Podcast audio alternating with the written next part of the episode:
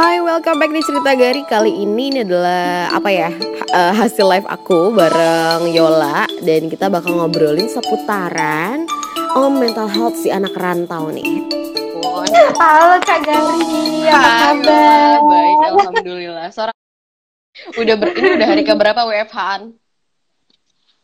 Udah hari keberapa ya? Sekarang tanggal kayaknya udah 30 hari deh Iya, ya, udah, udah sebulanan hari. lebih gak sih? Iya. Jadi, aku harus menjelaskan terlebih uh-huh. dahulu karena ini akan kita record. Eh, tapi bentar, ini belum di-record. Mana nih?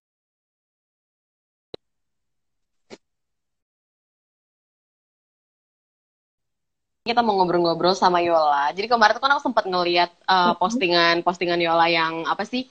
Yang ngajarin anak-anak kecil. Terus rencana itu mau ngobrol tentang yeah. si uh, gimana sih kira-kira si anak-anak ini study from home-nya? Cuman kayaknya kalau ke sini hmm, kayaknya enak ngobrolin yang seru-seru aja sih yang nyantai-nyantai ya nggak sih? Yang santuy. Yang nggak bikin stres ya nggak sih? betul. Kan anak milenial kan sukanya yang santuy rebahan gitu kan. Tapi kayaknya ini uh, waktu-waktunya anak-anak rebahan berkontribusi terhadap negara kan katanya banyak banget memes yang keluar iya, betul gitu ya sekali. anyway uh, uh, jadi kan katanya mm, mm. gimana gimana jadi kan katanya kalau misalnya kamu punya passion rebahan, nah ini waktunya kamu berkontribusi untuk Indonesia. Jadi ya, rebahan aja dari rumah udah bantu Indonesia kan? Iya benar benar benar. Ini kayaknya Gimana? efek uh, itu ya. Jadi sebenarnya ini aku sama Yola itu dulu pernah satu organisasi ya Yol ya? Betul. Satu organisasi, satu UKM waktu kuliah. Hmm. Terus tiba-tiba uh, follow ya follow-followan kayak udah lama ya Yol ya? Udah lama banget Kak dari kuliah dulu lah. Kan Kakak tuh senior panutanku. Udah aku malu.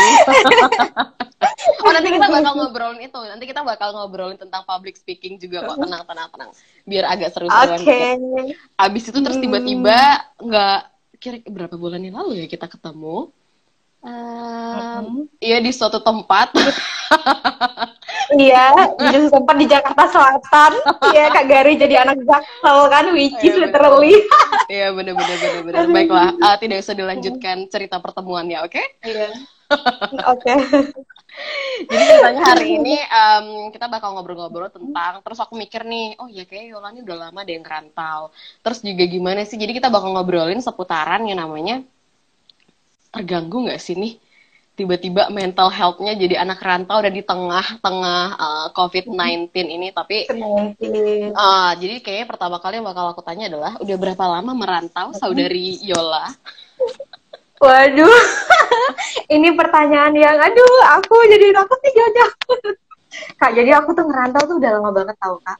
Oh iya, masa sih? Eh, bentar deh, Yola, Yola aslinya mana sih?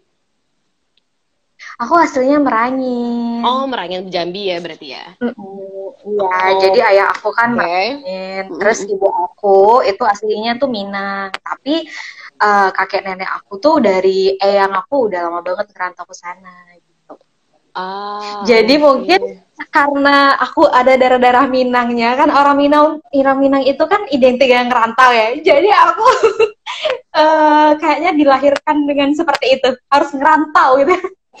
Kalau nggak gitu. ngerantau nggak afdol gitu. Enggak. Terus? Jadi udah berapa lama?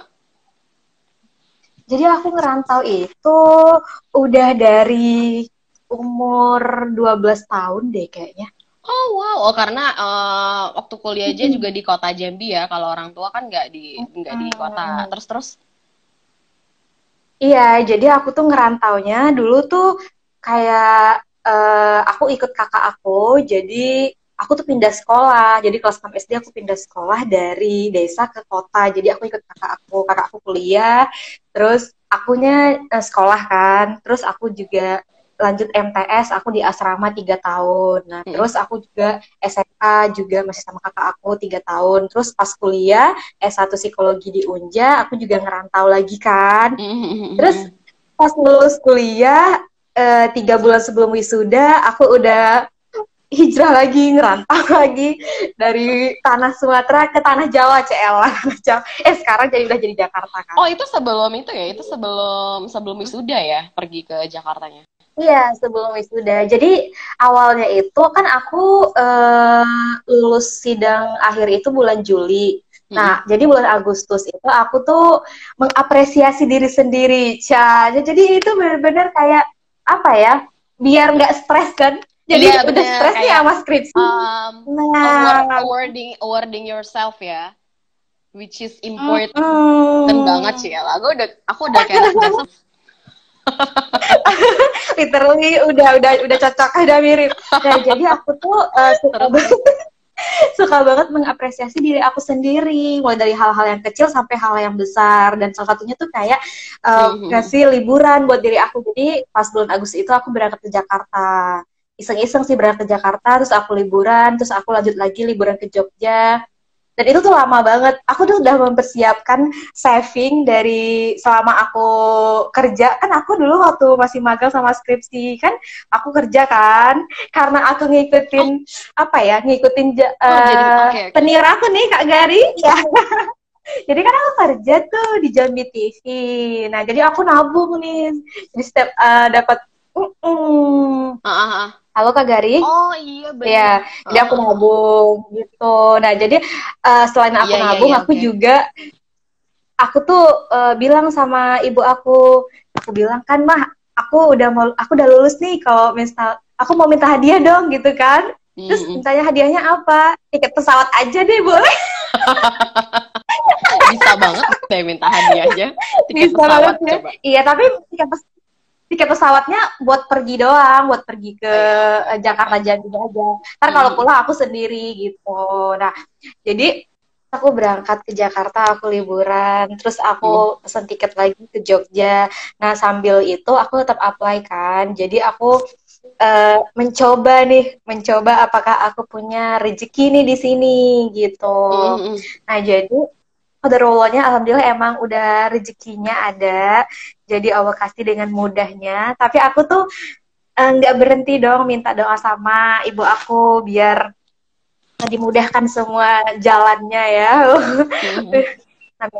Terus tuh aku uh, dipanggil interview. Jadi waktu aku masih di Jogja, Hamin tiga aku dapat panggil interview di salah satu perusahaan swasta di Jakarta ya udah aku ikut interview terus aku diterima kerja. Aku diterima kerja itu uh, perusahaan pertama aku di Jakarta. Jadi aku diterima kerja di sana. Aku di aku bilang waktu interview sama HRD-nya kalau aku tuh wisuda nanti tanggal 27 Oktober. Hmm. nah akhirnya aku dibilangin ya udah nanti kamu boleh masuk. Mm waktu itu masih masih September tuh. 2019 ya, jadi lalu ya? 2018 dua oh, tahun yang lalu. Oh my God. eh bentar aku aku tamat 2016 uh, anyway baru sadar. Udah empat udah empat tahun udah empat tahun yang lalu ya ya ampun. Oke baiklah. Iya. Nah terus aku uh, dikasih izin dong buat ikut wisuda nantinya. Jadi hmm. aku tanggal satu aku akhir September itu pulang ke Jambi. Aku daftar wisuda kebetulan udah buka juga buat pendaftaran wisudanya. Urus-urus berkas-berkas banyak banget lah ribet pokoknya deh Pasti Kak Gari udah pernah merasakan hal itu kan? Aku sudah merasakan dua tahun sebelumnya anyway. Iya. Eh, Yola, Yola kelahiran tahun berapa sih anyway? Coba tebak. Kalau misalkan, hmm. eh bentar, angkatan-angkatan kuliah tahun berapa? Aku angkatan 2013. Kalau 2013 berarti kalau enggak 95, 96. 95 mau masuk 96. eh bulan apa jadi kita Jadi... seumuran aku tuh cuman, aku tuh aku tuh cuma menang menang kuliah cepet doang soalnya eh oh, sekolah gitu. cepet sekolah cepet aja bulan apa namanya Iya, aku bulan Desember tanggal 31 95 kan udah mau 96. Berapa jam lagi coba? Iya, benar benar benar benar benar. Ternyata mas, ya lumayan lah masih tua. Aku satu bulan. Oh, jadi Kak Yari bulan November 95. Yes, aku November, 30 November 95. Sama-sama di ujung nih kita. Oh, iya sama di ujung ya. Oke, lanjut. Jadi, Terus abis itu, lanjut ya. Nah ya udah habis itu aku uh, masuk aku balik ke Jakarta lagi itu tanggal 29 September. Aku siap-siap dong Hamin dua kan buat masuk kerja hari pertama tanggal 1 Oktober. Terus tanggal uh, 26 Oktober itu hari Jumat kan paginya aku flight Jaka, Jam, Jakarta Jambi, terus siangnya aku ikut di Resik di kampus Unja Mendalu tercinta. Okay. Nah terus besok paginya Sabtu ya. itu aku mm -mm, cinta banget sama alamater tuh. terus besok Sabtunya aku langsung ikut wisuda kan, pagi sampai siang ikut wisuda, terus sorenya aku pergi foto studio sama keluarga aku. Jadi aku nggak foto di aku nggak foto kayak orang-orang yang di depan booth-booth kampus itu. Uh, enggak. Enggak juga ya. Padahal pengen banget ngerasain yang ada background background apa buku-buku toga-toga gitu kan. oh gitu. Oh iya aku juga enggak. Bahkan aku pulang deh kayaknya. Uh, Iya, aku langsung pulang ke rumah kan, jadi makan siang dulu, sholat zuhur, pokoknya istirahat sebentar, terus sorenya habis sholat asar, siap-siap lagi pergi uh, ke studio foto tempat teman mm -hmm. aku, terus udah foto. Nah, sambil aku foto itu, jadi habis selesai foto, aku keluarga aku pulang dulu sebagian nih. Jadi ceritanya ini, ini juga salah satu tips uh, apa ya, tips biar mental health. Jadi kita agak merembet-rembet uh, ke mental health ya kak. Sebelum oh iya dong, kan sebenarnya mau ngomongin itu, cuman aku belum belum iya. ke sana. ya nggak apa-apa, lanjut aja. Ya kita uh, ngobrolnya tuh ngelantur aja ya, jadi masuk ke materi nanti ngobrol santai lagi. Oh jadi kayak aku host kan, ngatur-ngatur aku nih. ya, kayak gitu kan emang kalau misalkan ada dua orang yang pro di public speaking tuh agak susah yang mana yang host, yang mana iya. yang yang guestnya aduh. Ya udah lanjut aja ke Opa deh. Nah, jadi ya, salah satu yang uh, menurut apa menurut uh, penelitian jadi salah satu hal yang ngebuat kita itu bisa punya mental health yang bagus ataupun punya kesehatan mental yang bagus salah satunya jadi volunteering gitu. Jadi volunteer kan. Wow, nah, jadi aku bikin okay. Hmm, jadi aku jadi volunteer itu versi diri aku. Jadi aku udah okay. siapin uh, ha, aku udah udah kerja nih udah sekitar setahun setengah lah ya kerja di Jambi TV hmm. udah punya saving tapi karena itu di akhir bulan dan gajian pertama aku di tanggal 25 Oktober jadi gaji pertama aku itu aku langsung uh, sisihkan nih buat adik-adik yatim nah jadi itu salah satu cara aku. Mungkin ini bukan ria atau pamer ya kak, tapi ini buat uh, menghimbau nih teman-teman, ayo sama-sama kita itu berbagi untuk sesama. Walaupun nggak seberapa jumlahnya masih kecil, tapi kita udah punya niat yang tulus untuk berbagi. Karena berbagi yes, itu indah, benar. apalagi berbagi di bulan Ramadan, masya Allah.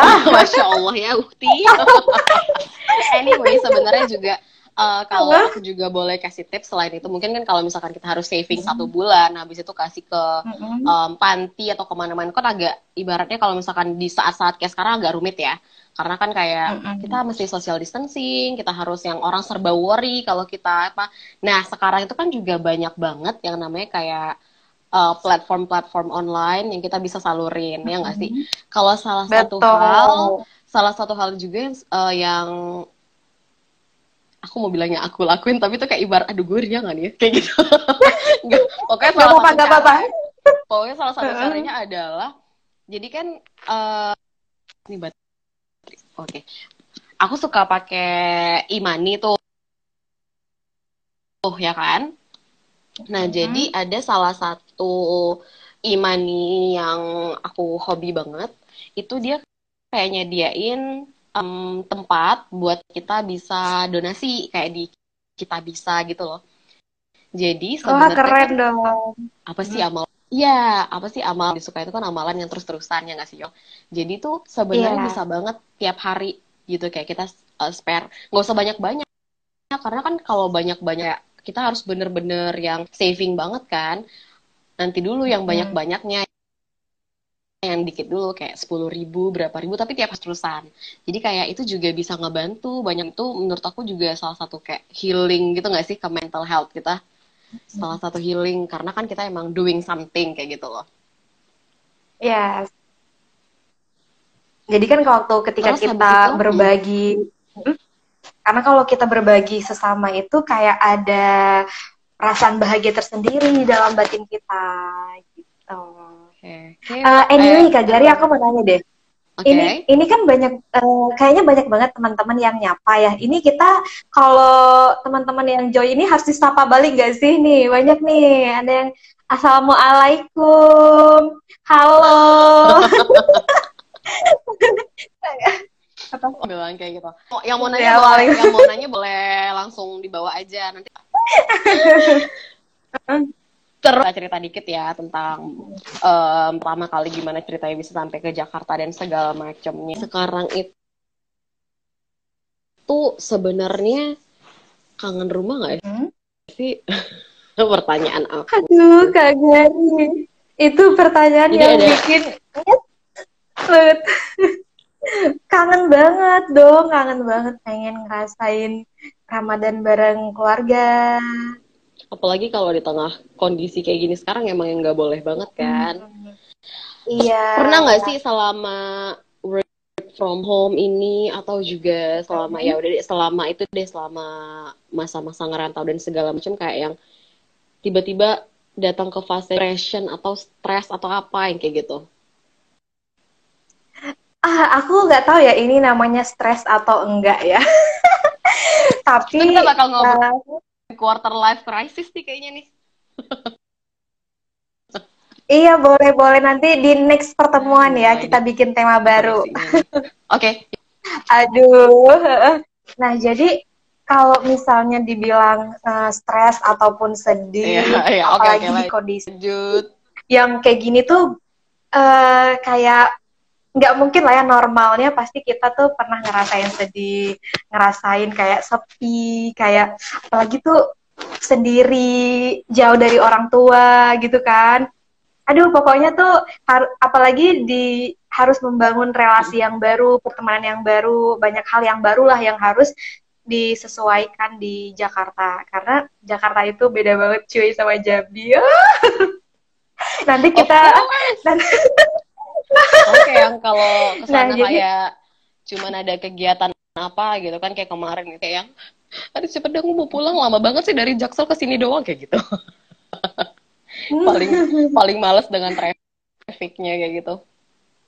Mm-mm. Jadi kalau misalnya dibilang sedih, kan pasti sedih. Dan aku pun namanya cewek ya, namanya perempuan, pasti tuh kayak ngerasa, aduh cepet banget sensitif, kayak gitu kan. Jadi ketika aku ngerasa lagi rindu banget sama rumah, rindu sama orang tua, rindu sama saudara, keluarga, aku tuh nangis, tahu? Ya udah, nangis aja. Nah, jadi salah satu, Mm-mm.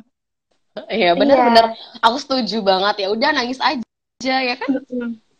Nangis aja karena memang salah satu eh, cara kita menurut eh, penelitian dan juga menurut Psychology Today salah satu hal yang bisa ngebuat kita itu bisa eh, ngasih healing ke diri kita itu adalah dengan cara menerima keadaan itu dengan eh, legowo dengan lapang dada. Kalau misalnya kita lagi mau nangis, lagi sedih, ya udah nangis aja. Kalau misalnya mau marah, ya udah marah aja. Tapi eh, sama tapi sendiri aja, jangan di depan orang umum kayak gitu kan. Karena kita punya tempat privacy nih eh, di kamar gitu kan. Ya udah, apalagi kalau misalnya Setuju kita banget. eh, sebagai umat muslim kita bisa beribadah. Nah, aku tuh lebih suka nangis itu pas lagi sholat. Jadi tiba-tiba aja kalau misalnya lagi baca Al-Fatihah, baca surah apa, Iya, itu setuju. nangis kayak gitu. Nah, terus nangisnya juga pas lagi habis juga, sholat, aku juga. pas lagi doa gitu kan. Jadi kalau misalnya orang bilang eh, kalau kita doa tuh eh, kalau menurut aku kita doa tuh nggak harus doa minta terus kok sama Allah ya Allah pengen A B C D sampai Z gitu kan. Enggak, tapi dengan cara kita curhat ataupun cerita ke Allah ya udah bilang aja kalau aku sih simple aja kayak ya Allah aku tuh hari ini sedih banget soalnya bla bla bla kemarin tuh ada kejadian ini.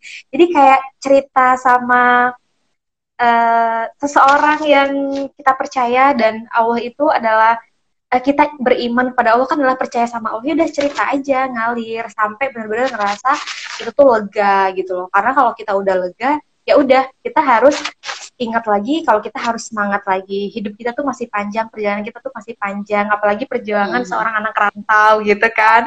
Uh, buat pulang kampung harus saving dulu, harus cari tiket pesawat nih hamin tiga bulan, hamin dua bulan gitu. Iya benar-benar benar.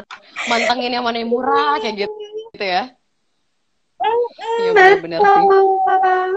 Kayak yang aku juga sering bilang dari dulu kayak yang ya udah di nangis nangis aja kayak gitu nggak perlu yang ignorance dari dalam diri kita sendiri karena kan kalau misalkan kita ignorance dari kita sendiri bahkan itu bisa bahaya buat mental health kita kan karena kayak yang aku ngelihat mm -hmm. temen-temen aku kayak gitu ya terus juga um, ya ada lah ya ada orang-orang yang dikenal kayak yang well depression atau stress is no joke kayak gitu loh ya emang itu beneran ada kayak gitu dan bahkan yes. ada orang yang sampai sedown itu kan gara-gara mungkin banyak permasalahan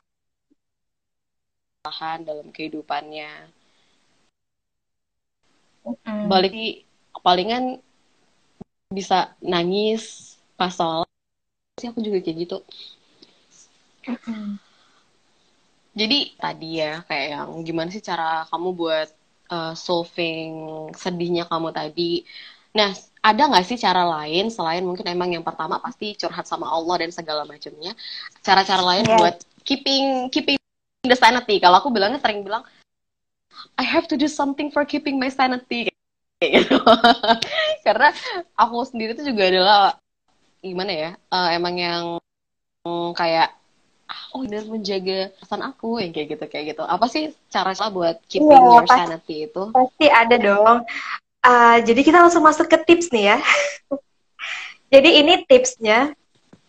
Iya benar. Kita ke tips dan trik. Uh, aku juga uh, mengkolaborasikan tips dari aku ini sesuai dengan keilmuan aku dari psikologi biar lebih akurat dan ini tuh benar-benar bukan karena aku ngelakuin ini terus jadi tiba-tiba bisa kayak gini sedangkan nggak bisa diterapin mm -hmm. ke orang lain gitu kan enggak jadi kita ngasih tips itu yang berdasarkan uh, apa berdasarkan yang benar-benar terpercaya, ter, uh, valid, udah ada penelitiannya. Nah, jadi menurut Psychology Today, bagaimana cara kita itu ngebuat uh, ini untuk mengurangi apa ya ngelakuin sesuatu yang positif yang bermanfaat dan ngurangin rasa stres ataupun rasa sedih kita ataupun menghadapi problematika kehidupan yang oh badai menghadang banyak banget gitu ya? Apalagi anak milenials ya kak ya. Uh, banyak banget nih anak milenials tuh yang suka stres, punya masalah. Itu iya banget. Uh, uh, gitu. Nah jadi sebenarnya sebelum kita masuk ke tips-tipsnya, iya, aku loh. mau kayak kita tuh lebih uh, ngasih tahu dulu definisi. Mm -mm. Aku kasih tahu dulu ya kak kita uh, diskusi tentang mental health itu sendiri apa sih?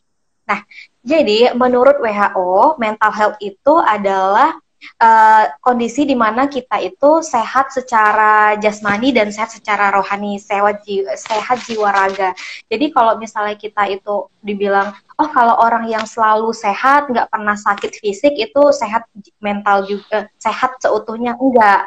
Jadi kalau misalnya kita itu dibilang sehat men, sehat lahir batin sehat jasmani rohani itu nggak apa-apa kita ada sakit fisik ada flu ada uh, ada batuk ada demam kayak gitu. Nggak apa-apa itu. Tapi yang lebih penting itu adalah sehat uh, rohani kita gitu. Bagaimana caranya kita itu ketika kondisi batin kita berada dalam keadaan tenang keadaan tentram terus memungkinkan kita untuk bisa menghidup, uh, menikmati kehidupan kita sehari-hari dan juga mampu menghargai orang-orang di sekitar kita.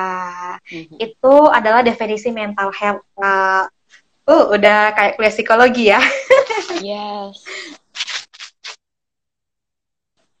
Iya benar. Gak apa-apa kan someday bakalan soon psikolog, psychologist. Iya, amin ya Allah, amin. Nah, dan menurut Psychology Today dan ini juga yang aku lakukan iya. karena aku suka banget membaca dan aku suka banget baca selain aku anak psikologi, aku suka banget baca-baca buku psikologi, aku suka baca-baca artikel dan aku juga suka nulis. Jadi uh, apa ya? Kayak kita tuh harus self self care. Kita tuh harus care sama diri kita sendiri. Yang pertama itu kita seperti yang udah pernah aku posting nih di Instagram aku, sebelum kita mencintai diri kita sendiri, kita tuh harus kenal dulu nih sama diri kita sendiri. Kenalnya itu seperti apa?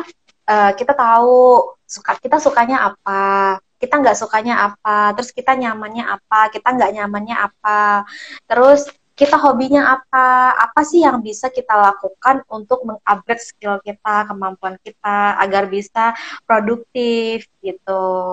Nah, kalau misalnya kita udah kenal nih sama diri kita, udah tahu semua yang kita suka dan gak suka, dari situ kita bisa mulai nih untuk bisa mencintai diri kita. Karena uh, mencintai diri kita sendiri, merawat diri kita, terus kita punya waktu untuk diri kita sendiri. Kalau aku bilang uh, take your time, itu tuh bukan hal yang egois, itu bukan hal yang buruk, malah itu sangat bagus sekali. Karena apa? Karena ketika kita udah mencintai diri kita sendiri, kita akan mudah mencintai orang lain dan mencintai lingkungan kita dan juga mencintai bumi kita. Seperti kita ketahui kan, bumi kita sekarang ini benar-benar dalam keadaan darurat, darurat terhadap virus COVID-19 yang sedang melanda pasti nggak ada nggak ada asap nggak ada api gitu kan. Nggak ada api nggak ada asap gitu nggak sih istilahnya?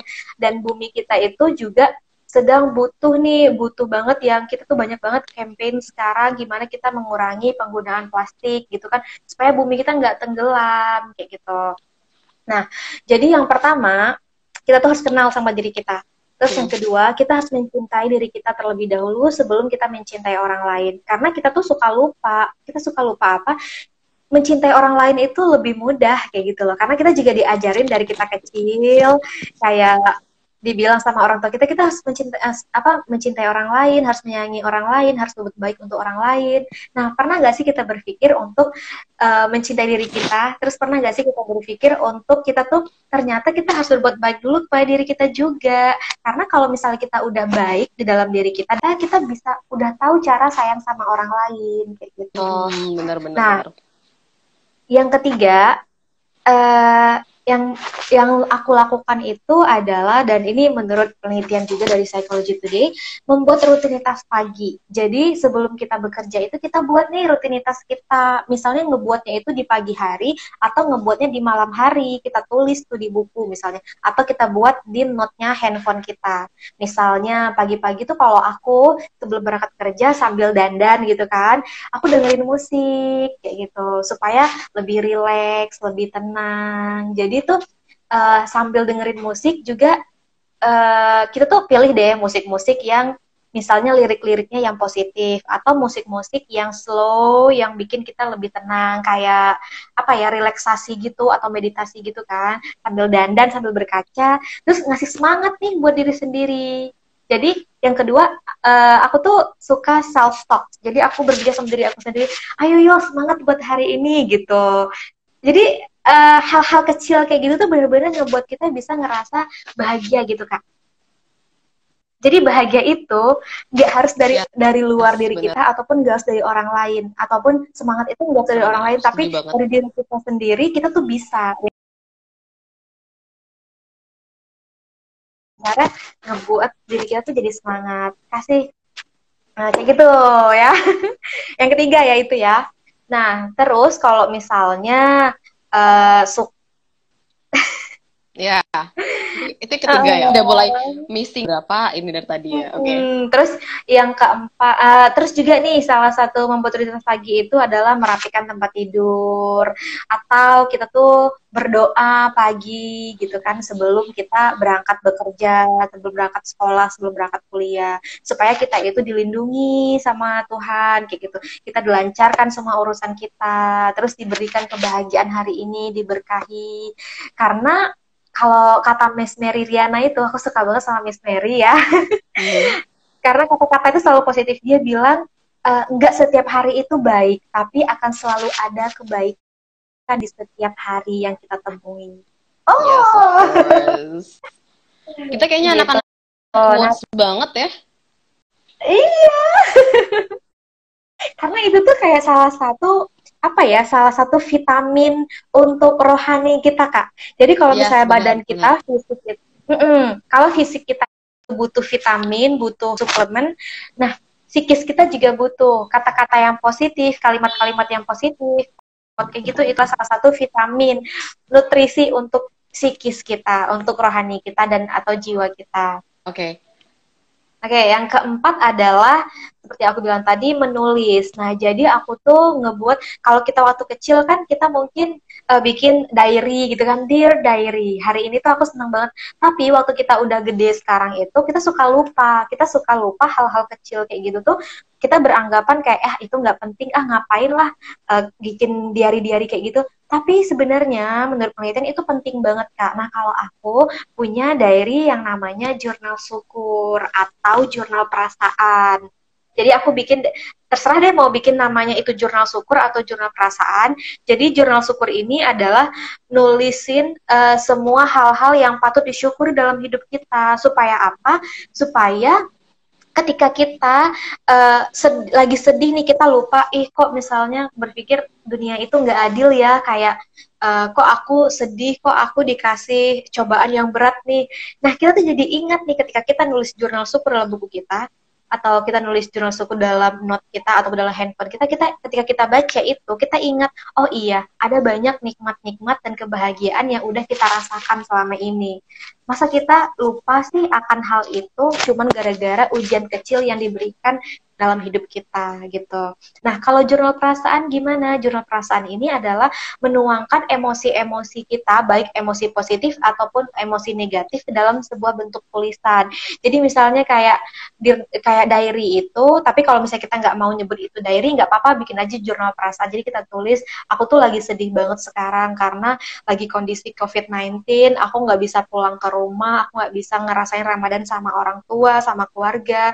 Terus kayak aku nih uh, ini adalah ra, ra, apa Idul Fitri pertama aku seumur hidup aku nih 24 tahun aku nggak bisa uh, Idul Fitri di rumah sama orang tua aku. Dan itu sedih banget kan?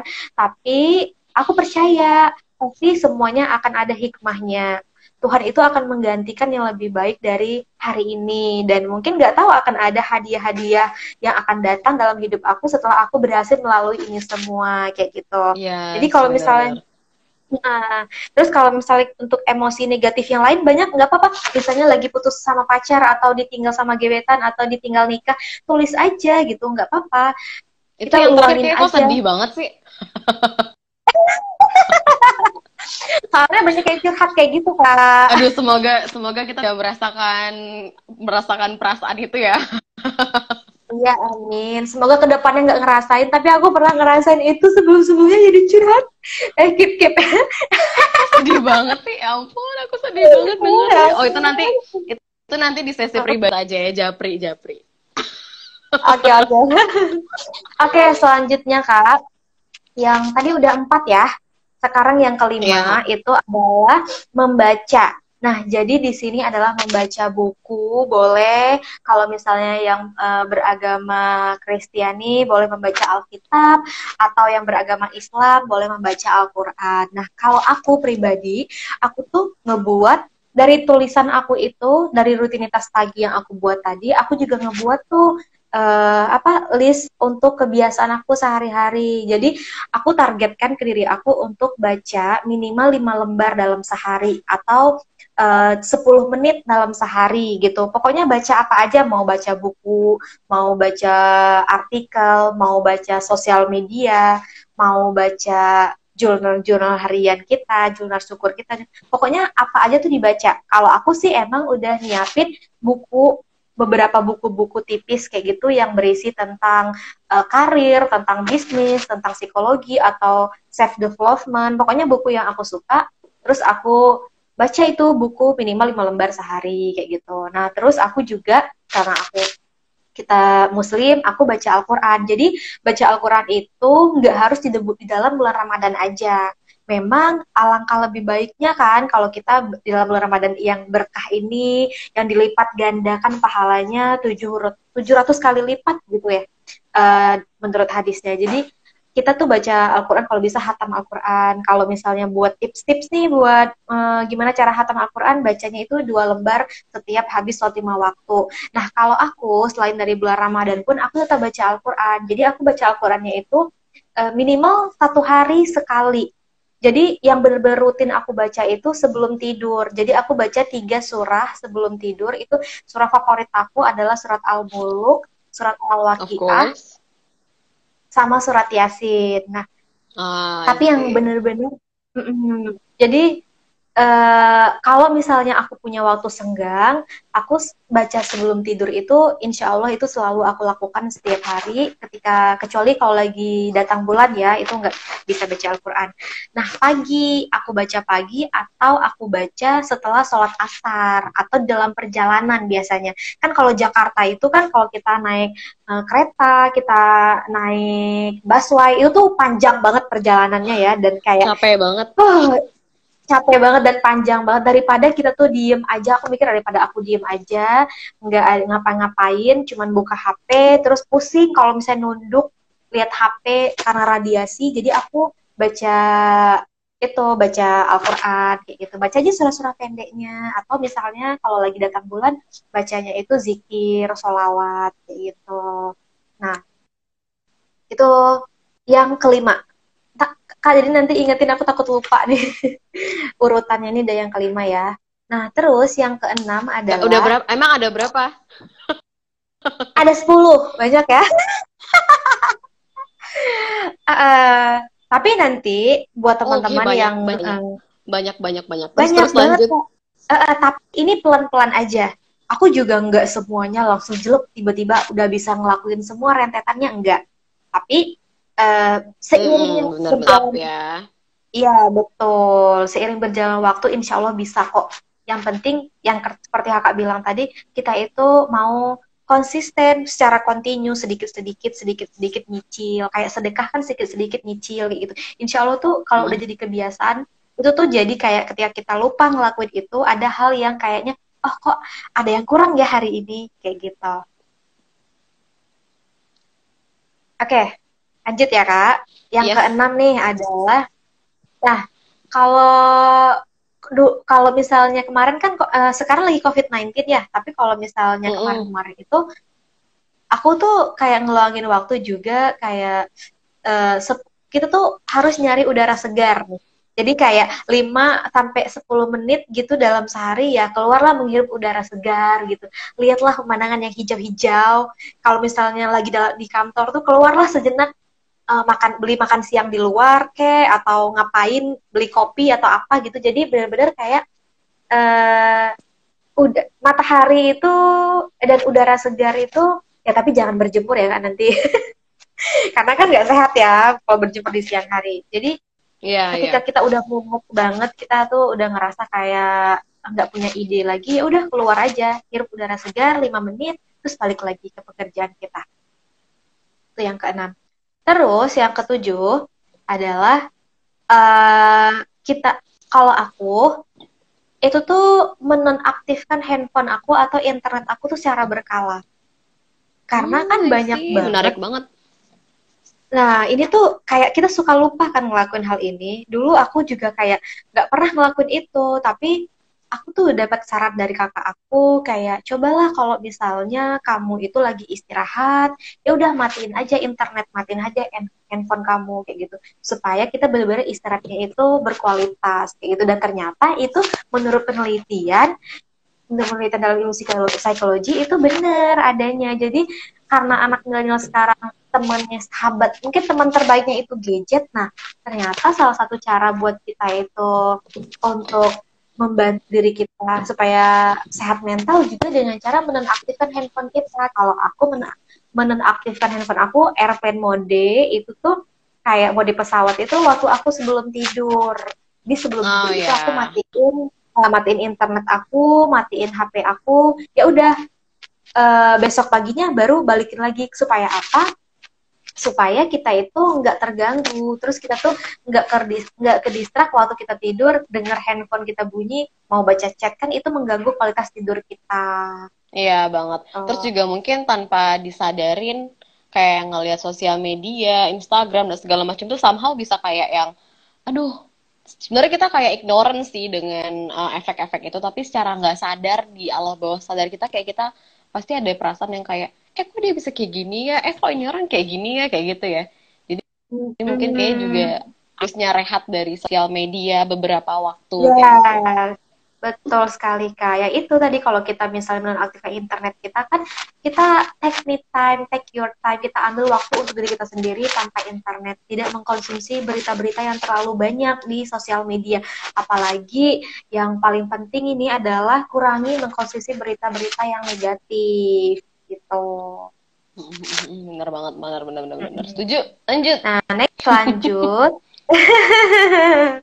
Udah berapa ya tadi ya? Udah kelima, keenam, enam, enam, udah, udah ya? Enam, udah enam. Ya, oh enam ya. Terus, nah yang ketujuh ini adalah uh, kita itu temukan temukan hobi baru kak, ataupun melakukan aktivitas yang kita sukai. Ya banyaklah hobinya ya. Nah karena dari tadi kita udah kenal sama diri kita, kita pasti tahu dong hobi kita apa. Misalnya hobinya dengerin musik, hobinya baca buku, hobinya traveling, atau hobinya nulis, hobinya baca, ya pokoknya ngelakuin sesuatu yang kita suka atau misalnya hobinya memasak gitu kan. Apalagi nih cewek-cewek gitu lagi work from home, ya udah uh, sebelum menjadi ibu rumah tangga, eh ibu rumah tangga enggak, sebelum menjadi calon ibu yang baik nantinya kan. Kenapa kayak nah, bisa gitu? Nih Kenapa belajar... jadi bilang ibu rumah tangga? ah, nanti ada yang kontroversi gitu.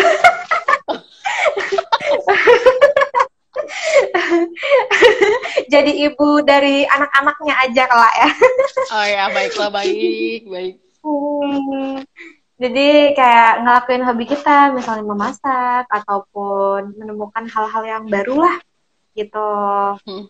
Udah tujuh ya kak? Aku lagi mencari, nah. ya aku juga lagi mencari kayak yang um, kira-kira apa ya yang bisa dipelajari hal-hal baru yang bisa dipelajari di dalam quarantine uh, zone ini dalam masa-masa karantina ini kayak yang Iya kayak yang masih cari-cari gitu. Oh ya walaupun ya bener sih kayak tadi katanya hobi baru ya gitu kan. Ya kayak mungkin masak or juga hal-hal lain. Tapi aku juga ngerasa kayak kita perlu belajar hal baru deh. Mungkin belajar bahasa baru atau bahkan Betul. belajar belajar apa kayak gitu ya.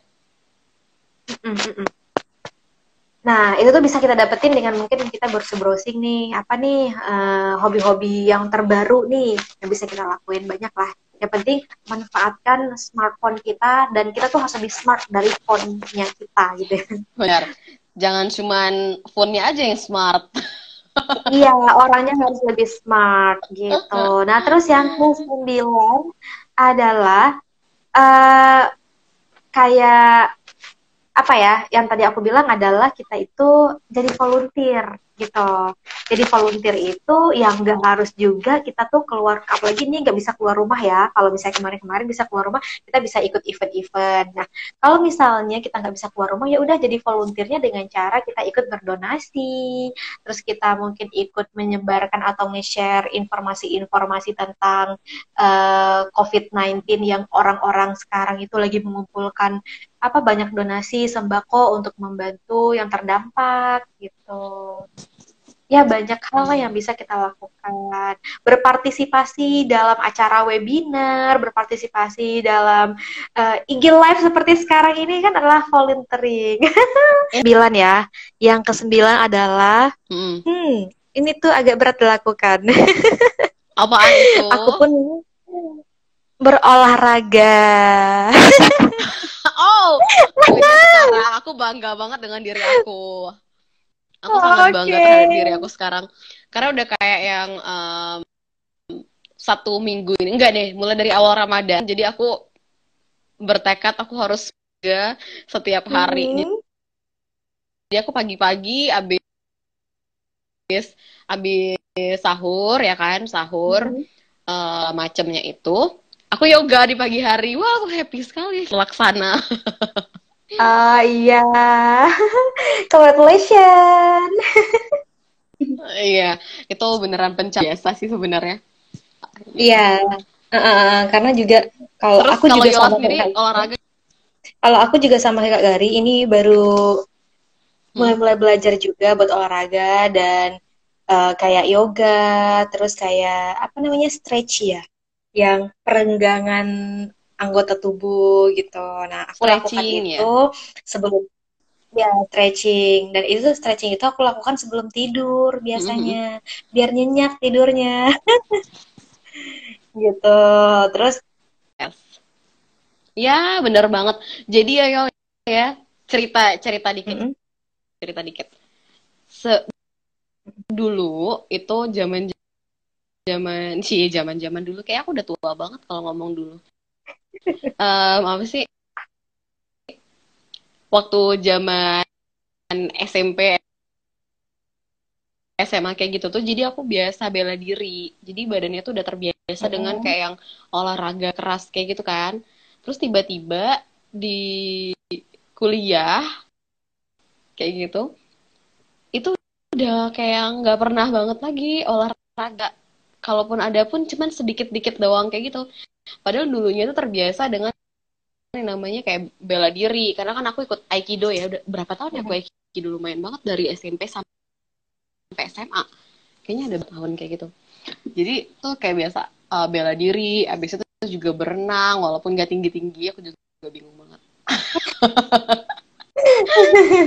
Abis itu udah jebreng gitu nggak pernah olahraga lagi di pas kuliah. Jadi kayaknya badannya tuh jadi mudah sakit-sakit kayak gitu kan. Kayak yang mudah Iya. banget uh, ngerasa capek. Capek itu efek dari nggak pernah olahraga. Akhirnya kemarin emang nge- ngebiasain diri buat olahraga. Tapi kayak nggak rutin. Nah makanya di Ramadan ini baru di rutang emang pas ada space waktunya kayak gitu. Banyak hikmahnya. Iya. Oke, yang terakhir Kak, ini yang paling nggak kalah penting banget menurut aku adalah beristirahat dan tidur yang cukup. Oh iya bener. Yang lagi nonton Ini yang paling join. Mm-mm. Kalau ini aku susah. Iya, jadi kita tuh eh, emang susah banget ya, alak kayak anak milenials itu apa ya? Udah susah banget deh kalau soal jam tidur tuh ya susah banget kalau misalnya buat diatur. Tapi sebenarnya bisa kok kita atur kalau misalnya kita tuh ya tadi balik ke tips yang nomor 6 eh nomor apa nomor 7 gitu. Kita tuh harus nonaktifin internet kita supaya kita tuh bisa tidur, bisa istirahat dengan cukup ya Iya bener. eh, eh, sesuai dengan eh, tubuh kita dan sesuai dengan kesehatan juga dan penelitian juga. Jadi tidur yang cukup itu 6 sampai 7 jam sehari. Ah.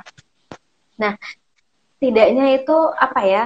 eh, kita itu kayak karena kita udah ngasih vitamin nih buat psikis kita, nah kita juga kasih nih waktu jeda istirahat untuk tubuh kita supaya balik lagi nih kalau misalnya kita bangun besok pagi jadi fresh lagi karena gimana pun eh, produktivi- produktivitas kita, gimana pun semangatnya kita dan kuatnya kita ketika kita itu ngelakuin sesuatu hal ataupun pekerjaan, ketika kita tidurnya kurang, istirahatnya kurang, kita tuh bisa rasanya tuh kayak eh, kurang tidur tuh bisa menyebabkan stres juga, menyebabkan pusing-pusing, terus kita jadinya kayak turun produktivitas kita bisa menurun di saat bekerja karena tidur itu penting banget untuk tubuh kita gitu kak jadi itu tips-tips 10 tips eh, ala Yola dan berdasarkan penelitian juga dari Psychology Today gitu. Panjang ya Bu 10.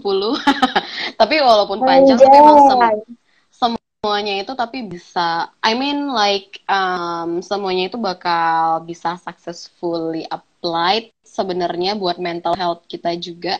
Dan sebenarnya pun juga bukan hal-hal yang berat banget. Itu adalah hal-hal yang ringan yang bisa aja kita lakuin satu demi satu kan. Walaupun nggak bisa mungkin langsung ya Yes, semuanya. betul. Nah, kayak gitu. Iya.